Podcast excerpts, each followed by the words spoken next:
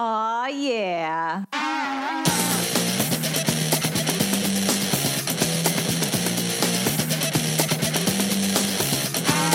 Welcome to the Women Inspired Podcast, brought to you by CareerKindling.com, a growing movement to help inspire, empower, and ignite women in their careers and in their lives. I'm your host, April Seifert. Each week, I get to interview some of the most inspiring women, and I'm bringing those interviews to you. Let's get to it. Welcome to this week's podcast. This week's guest is professionally known as Dr. Amy Hillard. She's a psychology professor at Adrian College, a small college in southeast Michigan. She teaches classes like general psychology, social psychology, research methods, and psych of gender. Her research interests include prejudice and its reduction, with some research on everyday sexism and workplace issues for women. Non professionally, she is known as Dr. Mamesu, Mames or Mamie for short. She's a roller derby skater on an internationally competitive team called the Ann Arbor Derby Dimes. Her team is currently ranked number 32 out of 400 plus leagues in the world. Amy began her roller derby career during her last year of graduate school and is currently competing in her sixth season. Amy, welcome. Thanks very much for having me. Excited to talk with you a little bit today. So, I gave everybody a bit of a bio about you before we hopped on our call, but tell us a little bit more about yourself. Sure. Um, I'm from Wichita, Kansas originally. Um, right now, I am a psychology professor at Adrian College, but so let me tell you a little bit about how I got there. Um, I went to a small liberal arts college uh, named Hendrix College, and I really liked that sort of environment. And so, um, when I went to pursue my PhD at the University of Nebraska Lincoln in social psychology, um, I really was still drawn towards teaching, although I really liked doing research, especially related to social issues. So, um, I continued my education there. Eventually, I took a, a postdoc looking at issues for women in STEM technology, engineering, um, math, right, science, these areas in which um, women tend to be more underrepresented. And so um, I was able to do a postdoc looking at those issues for a year before um, coming here to Adrian College. So that's how I came to be a social psychologist at a small liberal arts college.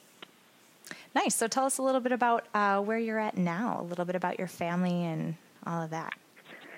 Yeah, sure. Um, so a couple years ago, I married my uh, college sweetheart, um, and was lucky enough that he was able to, you know, come with me at various points in my career to pursue my interests. We've been married for a couple years. We live uh, close to college in Adrian, and kind of like our place between, you know, Toledo and Ann Arbor. We have a couple larger places nearby, but kind of liking our little small town and area. So you've got this professional side to yourself where people see you as an acad- academic person, as a professor, and somebody who does research, but you've also got this other side to yourself that um, sort of centers around this very unique hobby of yours. So tell us about that side of your life.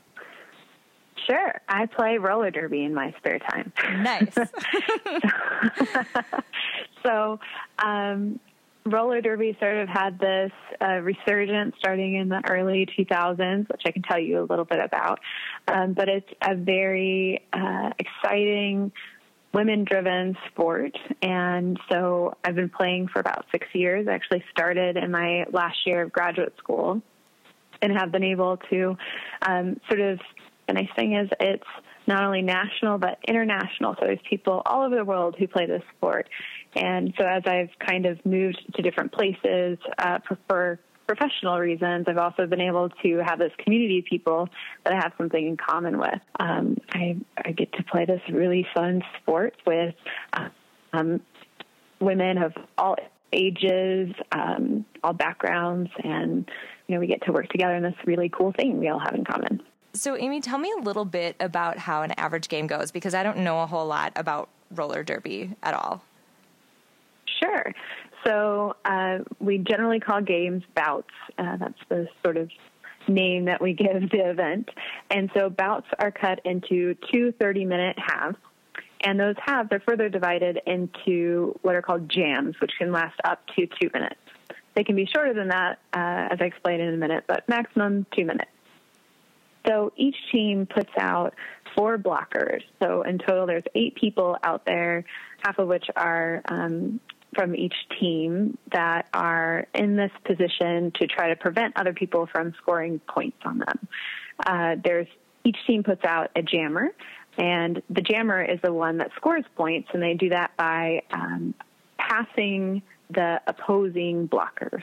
So as a, I'm a blocker, and what I'm trying to do is prevent the other jammer from passing me, but also to help my jammer pass other people. So that means I might go hit the other blockers out of the way so that she can get by. Um, I might uh, instead be focusing on trying to keep the other jammer behind me uh, to prevent her from getting my points or my teammates' points. So you're sort of playing offense and defense at the same time.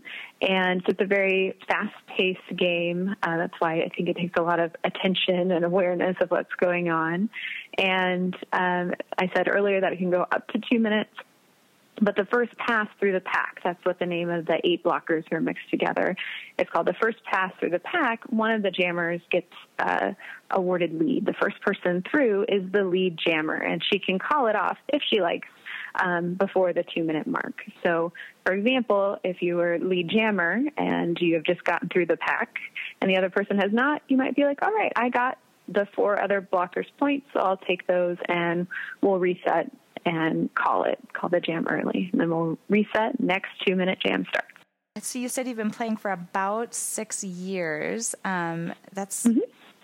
you know, quite the tenure in the in I don't know what what seems like a really crazy crazy sport to me. But how did you get started with it?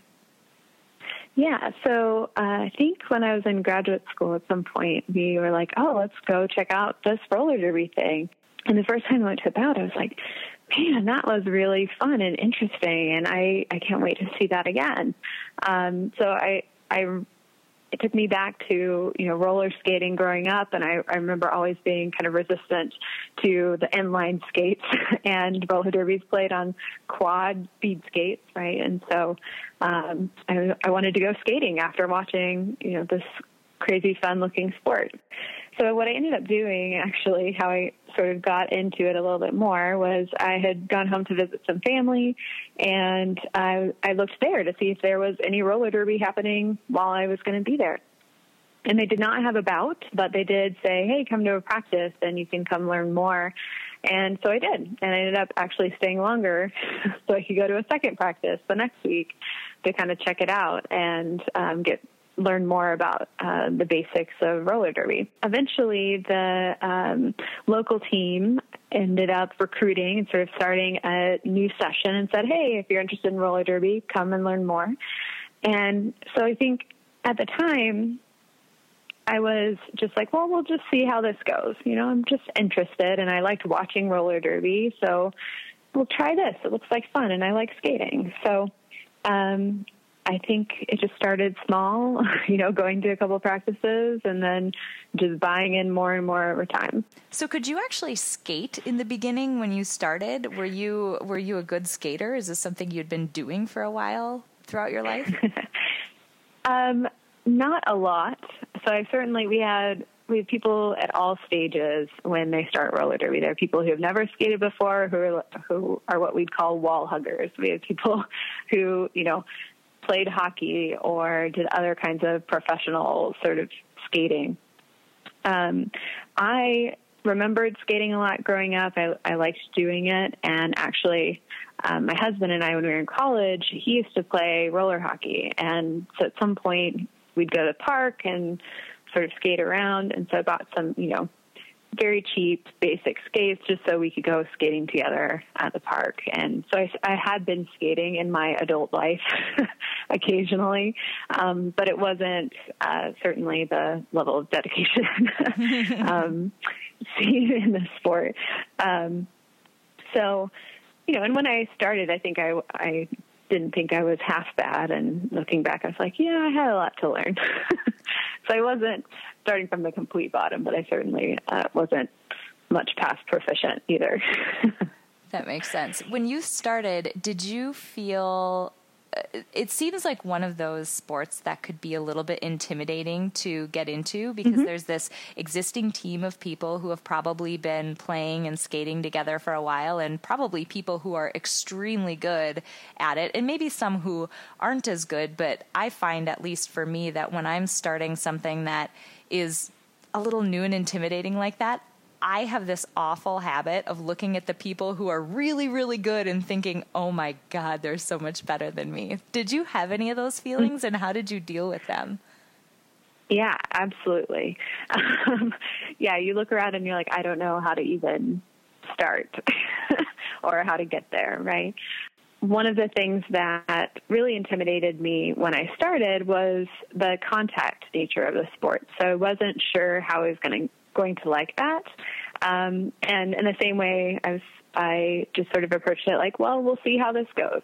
Um, you know, we'll give it a try and and see what happens. So, uh, but I do remember after sort of my first season, they had a, a new class of people who were interested in roller derby, and we were asked to kind of give some advice. And uh, the advice that I gave, and I was like, I might, it might seem kind of strange, and probably some other people might have raised an eyebrow for them, but I was like, it's okay to be scared, right? It's okay to not be sure um, about all of this, and I wasn't sure that I was going to like the contact. I was like, well, we'll try it and see what happens. Turns out, uh, I really liked it. so, um, if you hadn't, if you hadn't been willing to try, right, then uh, I would have never found that out, right? Um, and I think that extends to skill development that I'm still working on, right? You have to be willing to try and fail and learn from it in order to, um, you know, keep improving and succeeding. And uh, so part of that just suggests that it's not just about some sort of inherent skill, but that you're putting forth forth effort and risking, you know, even getting it wrong in order to learn and improve. That's really a great lesson for, I think, anything in our lives and in our careers. There's always going to be something risky that we want to try, but the reward is there if we if we try and we can make it happen. There's a huge reward at the end, but it's having that set of guts to be able to take a difficult project or do something new that you just aren't completely sure how it's going to go. And that can be so difficult sometimes. Yeah, and I think focusing on that idea of progress, not perfection, is is useful there too. That you're focusing on how you're improving or um, the little steps that you're taking, because you don't necessarily notice that over time that accumulates into something much bigger. Um, and so the little choices that you make, the, you know, and for roller derby, right, whether or not I go to practice or how hard I'm pushing myself, um, those are little opportunities that you have that, to develop habits uh, that sort of set you up for success later. And I think that that's true in career stuff as well. I'd imagine too that it's an it's a unique experience being on a team of women where mm-hmm. you know maybe maybe you have a great game or maybe you make some mistakes during a game or someone else does. How do you as a team handle it when somebody doesn't have their best game? Because I think there's you know there's two roads that this can go. Sometimes things get really competitive even with within a team where you would hope there would be a level of support there. Um, so sometimes things mm-hmm. can get sub- get competitive and not supportive, or sometimes it makes it even it makes it really easy when you have a team around you to be able to support you when you feel like you haven't done your best. What's your what's been your experience mm-hmm. in in that vein? Well, I think as a team sport, there's this aspect where you know that you can rely on the other people that you're working with. And so um, in some ways, for me, that takes some of the pressure off, and I'm not as focused on. Um, maybe self-conscious is the right word rather than focused. I think it helps me focus on what I'm doing and not worry about my own stuff because I know my teammates are there to help me and that I'm there to help them, right? And in fact, that we need to work together in order to get the best things to happen. mm-hmm. um, so I think um, there's some aspect to which, for me, and my teammates, I'm I'm trying to figure out what it is that they're really good at and how I can facilitate them doing those things right? Because everybody has different strengths. And so, how can I help you play to your strengths? And how can you help me do the thing that I'm good at, right? And we can both help each other um, in order for the end result to really be the best. I'm going to go right into one as, and I really don't know a ton about roller derby, but I'm going to go right into one mm-hmm. aspect of it.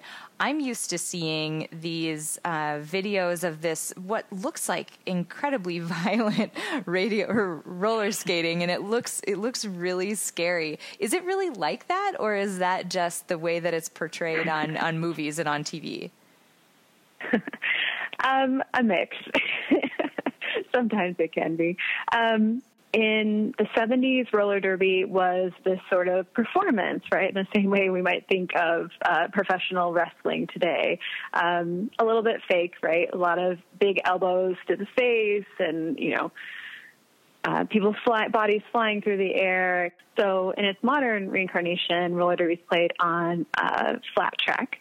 And that reincarnation really started with uh, women out of Austin, Texas, who wanted to develop this into a sport. And so what's happened in this sort of modern version is that it is much more of a sport. Uh, there are penalties. I can't go around elbowing people in the face, right? I'll go to the penalty box for that sort of thing.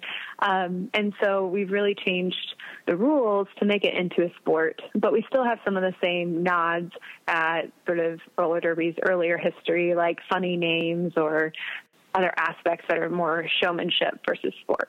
But overall, I think we're moving in a direction to try to be taken very seriously as a sport developed by women and for women. So, do you get hurt when you play? yes, luckily for me, knock on wood, mostly minor things, but everything from um, I fractured a finger, um, I have probably irreparably damaged my tailbone. um, I have, uh, you know, pulled muscles and minor things like that. I think part of the reason is people get really into roller derby as well. We don't really have much of an off season. And so unlike other sports where, you know, here's where you go do other things and, you know, all the muscle imbalances or rest the parts that need it. It's very easy in roller derby to not take that time. But sure, there's always a risk of injury. I, I certainly have known people who've had some pretty serious injuries. But from my perspective, I'm also like, I, I know people who have two people who've broken their ankle stepping off of a bus, right? So um, stuff happens in roller derby and in regular life. You mentioned a couple minutes ago that there's these nods to roller derby of old where you know you you come up with names for each other. How did you get your name? so originally when I started, um, I was talking to a friend and we were going through different iterations of my first name and we came up with Mamie. And so I started under the name Mamie and my number was needle eight. um, later to make it easier for refs and things, they changed some of the numbers, uh, the rules about numbers that you could use. Um, and eventually, after I mentioned that I had transferred to different leagues, and after I got my uh, PhD, had sort of joked with people about um, changing my name. So eventually I had to change my number anyway, so I adopted Dr. Mainview. And uh, I'm I'm still number eight, though. Awesome. That's I'm eight, awesome. Number eight four. I had to take eight four. Got it. I imagine that being in this sport as an insider, there are some pieces to it that spectators and you know people who I mean I haven't even been to about but I've you know casually seen video and stuff like that things that we wouldn't realize about it what are the parts about the mm. sport that really energize you, that really keep you want, wanting to go back and wanting to continue to, to participate? So, some people have described it as trying to play chess while someone's throwing bricks at you. and I think that's fairly accurate. So, when I first started, what I really liked was spending two hours just focusing on this very physical challenge. And that's something that, although I sort of dabbled in sports growing up, I wasn't really drawn to in the same way. In fact, I had a lot of friends, including you in graduate school, who were interested in uh, a lot of sports that took a lot of persistence and time and energy. And I'm not sure I really understood that until I found one that was a good fit for me. Having that time where I was just focused on this physical challenge where I couldn't really think about other concerns or issues was really nice. So when I started, that sort of absorption and the activity was really rewarding, and I still enjoy that now. So it's sort of that this takes so much time and attention and focus to do what you're doing that you're really present and in the moment. Um, sometimes it's so much so that you forget like just what happened after you're skating off after a jam. We call it jamnesia, right? you're so focused on what you're doing that everything else is sort of put out of your mind.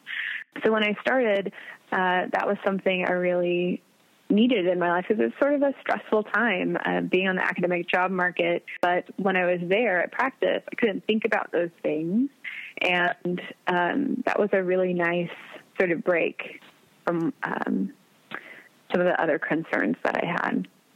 But in addition, when I started, one of the things um, that was really rewarding as well was meeting all these people from different walks of life.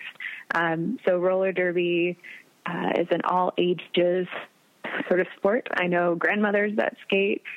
I know college students that skate, right? We've got a whole range of people. And so I think it brings together a lot of other people who um, I might not otherwise get to meet. And so that was another thing that when I started was really rewarding. For me now, one of the things that keeps me going is I'm on a very competitive team. And so we're constantly pushing ourselves and moving forward. We're lucky enough to be at um, sort of a competitive level where I think everybody is sort of lifting each other up, right? We're collectively all getting a lot better at roller derby um, while we're competing against each other. So I think uh, that's really something that draws me now. Having been in the sport for a handful of years now, I can imagine that it starts to bleed over into your normal life. And I can imagine that there are things that you've learned both about how to face challenges or maybe about yourself and how you conduct yourself in difficult situations or or whatever it might be. What have you learned about yourself and about how to mm-hmm. how to handle life from this sport? I, I definitely figured out that you gotta look for small victories and um, you know, having good awareness of where you are and what you're working towards and setting small goals, um, it, that that is rewarding is something that I've learned.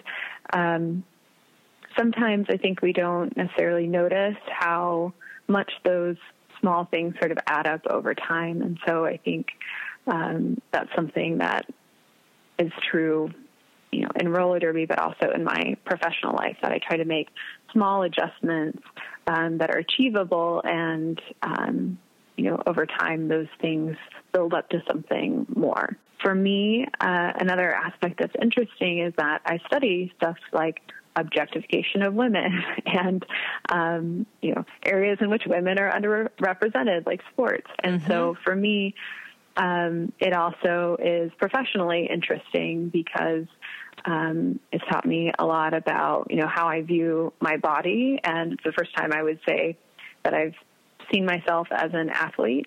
So, Amy, you just mentioned objectification of women, and that's something that I think we hear a lot about, but it's not something that a lot of us really think through in terms of what that might mean for us as individuals and how participating in a sport like this or participating in physical activities where your your body you're asking your body to do something incredible how that might change the way that we think about ourselves. So can you just talk a little bit more about what what you were getting at with that yeah sure so um, I mentioned that I do a little bit of research related to gender issues, and objectification is one area. So if I was going to give you a definition, I would say that it's valuing, uh, you know, appearance-based things about your body more than performance-based things about your body. So seeing your body as an object rather than an instrument. And from a gender perspective, you know, men and boys are definitely brought up to treat their bodies as instruments to achieve things. And women, not so much. We're seen uh, more as things to be looked at right? And that a lot of people's, even women's, sometimes fitness goals are focused more on appearance than what they can achieve with your body. And so, sport is a really interesting thing for women because it gives you this opportunity to focus on what you can achieve with your body. And I think roller derby is an especially interesting case because there's no best body for roller derby. Um, there are advantages and disadvantages to all different sorts of body types. And I think, you know, I was mentioning that um, roller derby is really age inclusive. It also has a ton of body diversity. And so everyone's just trying to figure out how to use what they have in a way that, um, you know, produces an advantage. So if you're um, big and strong, right, you're harder to move. You also can hit harder, right? Whereas um, other people might be smaller and more agile, so they're harder to hit, right? So they can duck around if someone's projecting a big hit coming towards them, right? So there's all sorts of advantages and disadvantages um, to bodies, and everyone's just trying to figure out how to play in such a way that they can really capitalize on the advantages that they have in their body at that moment. And I think um, from that perspective, it's really powerful. So, just generally, I think um, it's taught me about how to see my body as um, a means to accomplish things, right? Um, when I work out or cross train or just I'm at practice, I'm doing things to be better at roller derby. And I don't really, uh, you know, the ultimate goal is um, to translate that into better performance on the track. And so uh, when I go lift weights, when I'm um, going to a metabolic conditioning class and doing a, a HIIT workout, right, all of those things, um, when I get to that moment where I want to quit, I remind myself I'm doing this so I can be better at what I love, right? And I think all of that tells you about sort persistence, about um, you know, viewing yourself as achieving something and how you work towards that and just in sort of a gendered issue way, um, seeing your body as, as a means to you know conquer your environment and as something you can take advantage of to achieve things.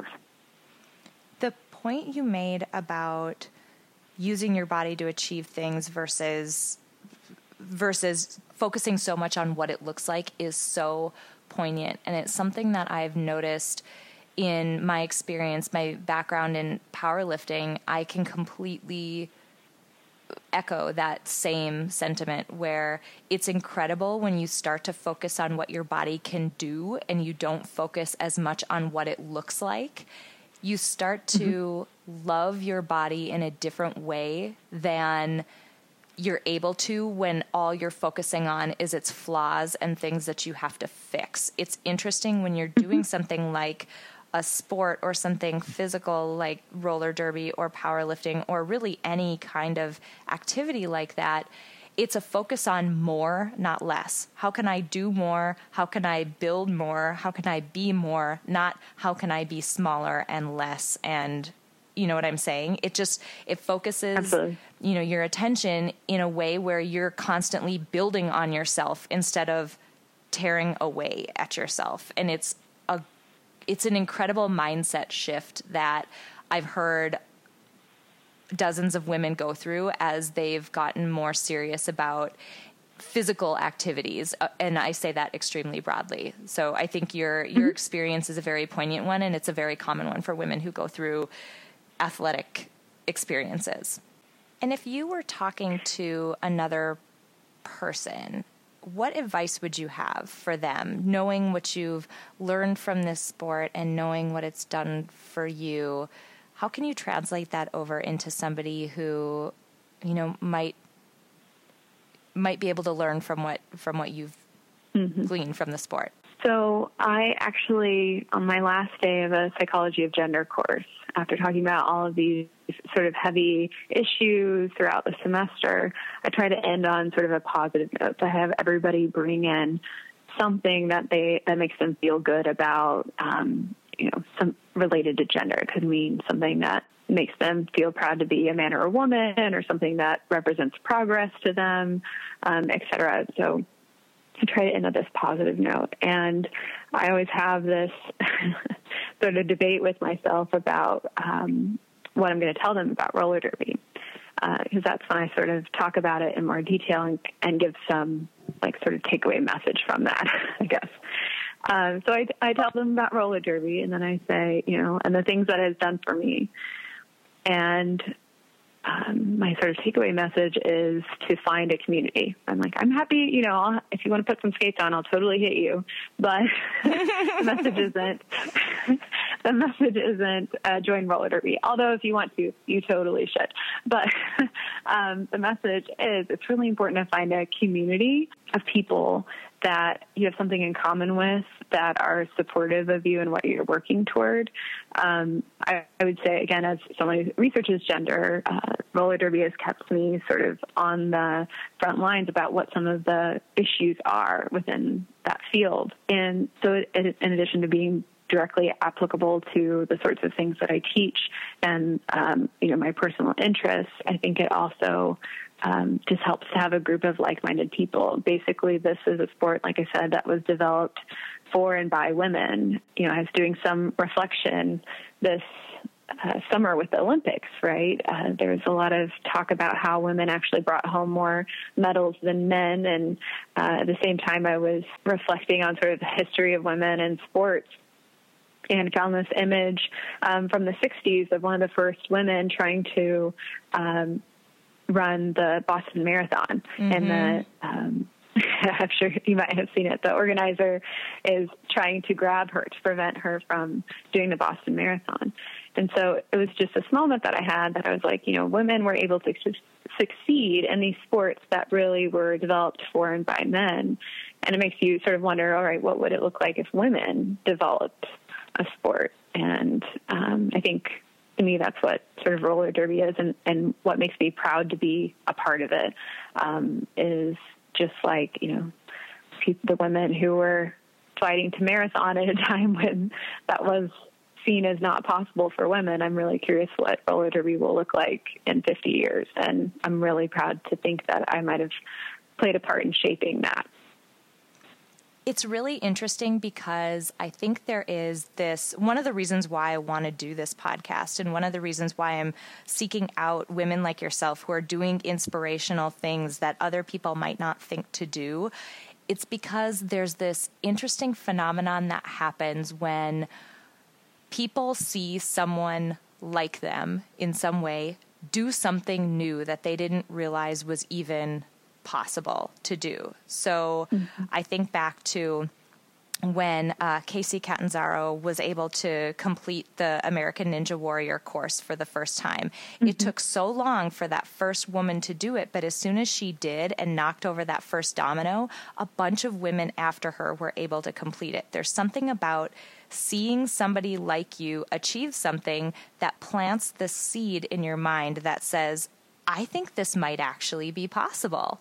And when mm-hmm. you are open to the idea that something might be possible, it's crazy where your mind goes and where your goals just naturally start to set and your behavior starts to crystallize around trying to achieve them. And it's really neat. So, you know, mm-hmm. one of the mm-hmm. reasons why I want to bring stories like yours out to the people listening to this are that I want to start planting these little seeds that say it is so possible to go out there and find some crazy hobby where you get to knock people over on roller skates or whatever it is you might want to do.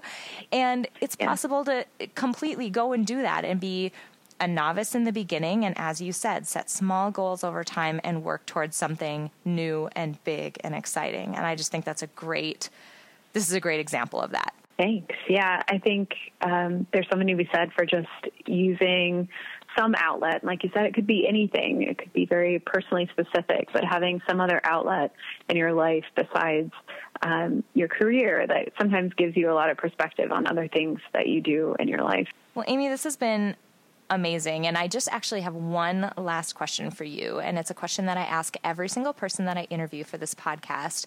I'm compiling a playlist playlist on Spotify that is a set of songs that have been curated by the women who I'm interviewing for the podcast. So at the end of every single podcast, I ask uh, for the person's favorite motivational song. So I'd love to hear yours. so when we were going to playoffs for the first time, which is the top 40 teams in the world get invited to playoffs, uh, I started looking through my playlist, exactly like you're saying, looking for some uh, motivation. and so the one that spoke to me most when we were uh, at playoffs was uh, Sia Unstoppable. Nice. And if you can just picture she in the chorus, right, she's talking about putting her armor on, showing how powerful and confident she yes. is. And that's exactly mentally what I'm doing, right? When I'm putting on my gear, I'm saying, you know, I've worked for this. I deserve to be here. I, you know, have something to contribute and I'm going to go show show that right now. I love it. Those are perfect lyrics. That is the perfect way to think about going into something where you just need to be a little bit pumped up and you need to remember that you absolutely have the skill and you have the preparation and you are absolutely able to be there. I love it. Yeah. I also like uh, Gavin DeGraw's Fire, and it has uh, in the video it has some roller derby as well. So um, I'll add two to the playlist just because if, if it's got roller derby in it, we'll have to add a couple on there. That's perfect. Um, but similarly, I think talks about some of the themes that we've been talking about. Uh, he talks about you know being part of a tribe and sort of finding where you fit, um, and so I think that speaks to me about my experience of roller derby as well. Well, Amy, I have to say thank you so much for being here today, for being open to sharing your story, and for letting us see behind the curtain of this really interesting sport that not a lot of us know a lot about. So it was wonderful to hear it from your perspective. I really appreciate it. Yeah, no problem. Thanks for having me. I hope you enjoyed that interview with roller derby player extraordinaire Dr. Mamesu. To make the most of what you heard in her interview, head over to www.careerkindling.com and search for Derby to bring up Amy's show notes page. Here you'll find some key takeaways from today's interview as well as some prompts to help you reflect on what you heard. While you're there, sign up to join our community and we'll give you immediate access to our Spotify Power playlist, including Amy's songs Unstoppable and Fire. We'd also love to hear from you. Head over to iTunes and leave us a rating or a review, or if you liked what you heard, hit the subscribe button. Finally, I'm on the lookout for the next set of inspiring women to be featured on this podcast. If you know an inspiring woman, or dare I say it, you are an inspiring woman, drop me a note at hello at careerkindling.com. Until next time, have an inspired week.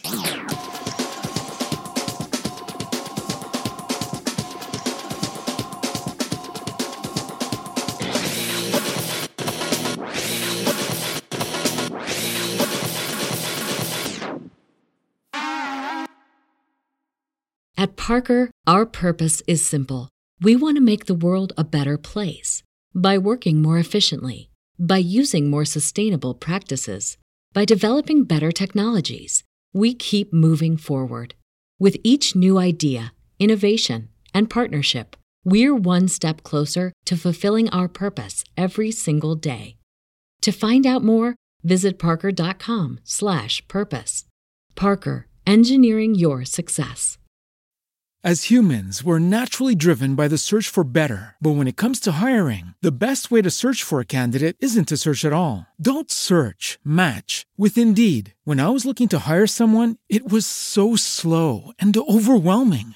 I wish I had used Indeed. If you need to hire, you need Indeed. Indeed is your matching and hiring platform with over 350 million global monthly visitors, according to Indeed data, and a matching engine that helps you find quality candidates fast. Ditch the busy work. Use Indeed for scheduling, screening, and messaging so you can connect with candidates faster. And Indeed doesn't just help you hire faster. 93% of employers agree Indeed delivers the highest quality matches compared to other job sites, according to a recent Indeed survey. And listeners of this show will get a $75 sponsored job credit to get your jobs more visibility at Indeed.com slash podcast. That's Indeed.com slash podcast. Terms and conditions apply.